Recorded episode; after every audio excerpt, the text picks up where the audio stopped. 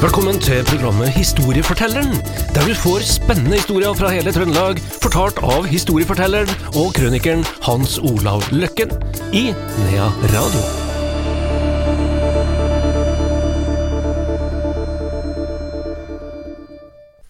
Vel møtt til et nytt program i serien Historiefortelleren, og velkommen til deg, Hans Olav Løkken. Jo, takk. I dag skal vi til Stjørdal, og vi skal til en, eh, nesten si en, en gammel general nå, da. Ja, vi skal til selveste general von Schultz. Han er liksom den største og mest kjente av de militære, da. Eh, For Bernes Værnes er jo militært, det er jo garnison. Senere så kom jo da flyplassen, da.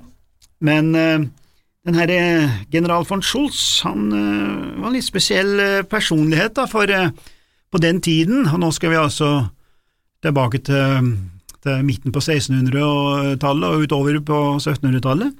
Men det var slik at Fredrik den, eh, Fredrik den tredje og Kristian den femte, som var sønnen hans, de eh, innførte eneveldet i 1660. Altså, det var bare Gud som sto over kongen. Og eh, de tok og fjerna adelen, som da har kommet opp via noen år.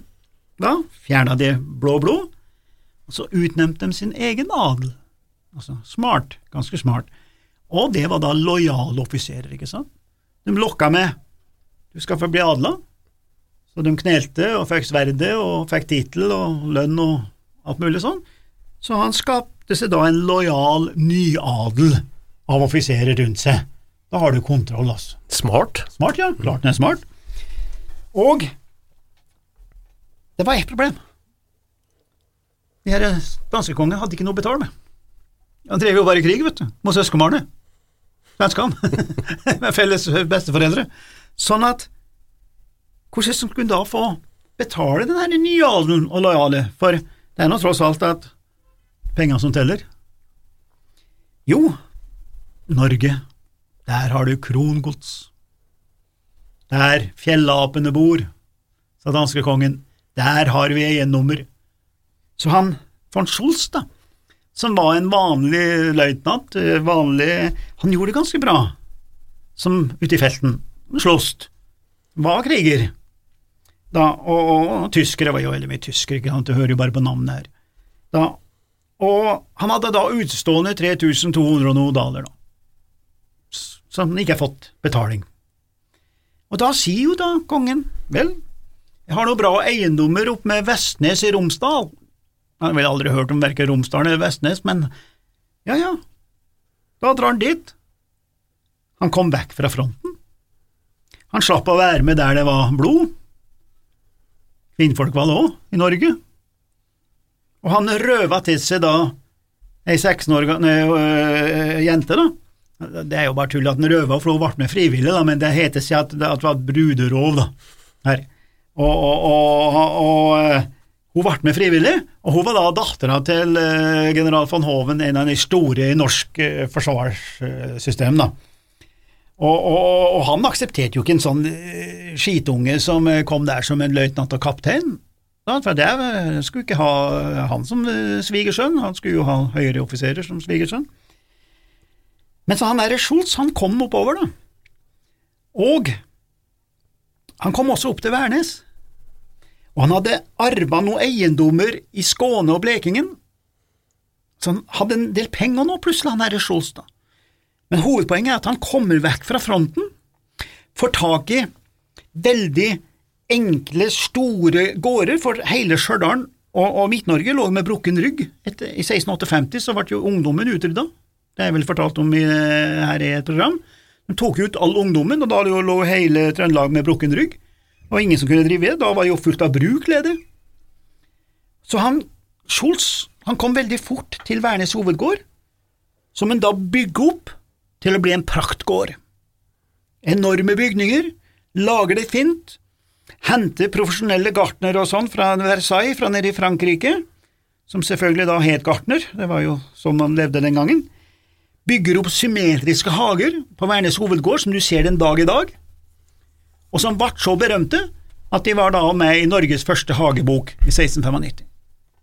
Og de der har vi også bilder av, og noen tegninger av de her symmetriske hagene, som da ble modeller for andre storgårder i Trøndelag, hvor de bygde sånne med fontener og litt sånn Versailles-opplegg da, blant storfolk. Så ble han plutselig adla. Han var godvenner med kongen, da, og kom seg ned til København, knelte, fikk sverdet på skuldre, og plutselig så var han adla, og da ble han jo akseptert av svigerfar sin, han var hoven. Da var han god nok. Og da ble de allierte, så han von Schulz han var da også på raid i lag med svigerfar sin inn i Sverige for å ta svenskene. Men de måtte gjøre vennereiser, men da, var, da hadde de en bra hær i, i, i, i, i eh, Midt-Norge, da. Så han gifter seg og får en del barn, og han legger under seg den ene gården etter den andre, og sagbruk. Sagbruk var jo datidens aksjer, ikke sant. Så han, han bygde seg opp, ble stor, men antagelig så ble han et lite offer for det vi kaller Lawrence Peter Principle, det her med at du avanserer en gang for mye. Altså, du er flink i jobben din, og så blir du sparka opp eller sjef, og så behersker du ikke det. Det kjenner vi jo veldig godt til i, i norsk næringsliv og i staten og kommuner og sånn. Så han kom, kom litt sånn ut å kjøre med, med, med en del folk. Han eh, fikk i oppdrag å hente Griffenfeld. Så kongen nede i København sier at vi må få vekk den her statsfangen vår. Peder Schumacher heter jo han, da, men han ble jo Griffenfeld da, etterpå. Så vi må få han vekk fra København, for han kan hisse opp folk igjen. Så de skulle plassere ham da på Munkholmen. Og da var det Schultz som tok en, et lite skip, Antoinette heter skipet, dro til København, henta krigsfangen, statsfangen, mener jeg, plasserte den på Munkholmen. Det var altså general von Schultz, da, som nå han ble jo oberst, han avanserer og blir general, da. Og han hadde så mye makt, han herre Schultz, og han fikk bygd en egen stol. Og nå er det ikke sånn stol som jeg og du sitter på, altså. det er sånn i en to-tre etasjer. Det er inni Værnes kirke. Den er utrolig, den derre Skjoldstolen, altså. Og den står med sammenkommer inn der som vi i dag kaller for kvinneinngangen. For Kvinnfolkene satt til venstre, mannfolkene satt til høyre. Så på venstre side så var det nemlig en egen inngang hvor kvinnfolkene kom når de skulle sette seg på venstre side, men det var opprinnelig da den inngangen som generalen brukte, Scholz. Fordi at når det var gudstjeneste, så begynte jo ikke presten før generalen var kommet. Om de måtte vente en time eller to, spilte vel ingen rolle, og de sto sikkert òg. Var kanskje ikke benker engang den gangen. Så. Og, og han, han, bor altså bare noen få hundre meter unna Værnes kirke, altså Værnes hovedgård, som er inne i militært område der. Så de venta, og presten venta, og gudstjenesten begynte ikke før Schultz med sin familie hadde tatt plass i den her stolen som er bygd i to-tre etasjer, der hvor det er benker og det er utskjæringer, det er en fantastisk stol. Så den stolen, da, den så jo selvfølgelig Karl 15 og den der gjengen der igjen, da, som vi har vært inne på tidligere, for alle er jo i Værneskirka hvis de først kom til Værnes. Så han herre Karl, han var vel åtte år etterpå, så kom det forespørsel til, eh, til eh, kommunen på Stjørdal, til de få politikerne som var der, og at kongen ønska seg den stolen. Og da ga altså kommunen bort Skjoldstolen. Og den eh, havna da på et slott nede i, eh, i, Stockholm og ble mer eller mindre bare bortglemt. Men vi, vi visste jo om at den der stolen har blitt gitt bort fra originalen fra Vernekirka. Så har godeste Jon Leirfall, da, når han havna på Stortinget og fikk kontakter og alt mulig, så jobba han i flere år for å få hjem igjen den stolen drev lobbyvirksomhet og, og, tok seg kanskje en liten skarpenn i lag med noen svensker og forhandla seg fram til at vi skulle få tilbake stolen. Og det gikk svenskene med på hvis vi betalte frakta sjøl, da.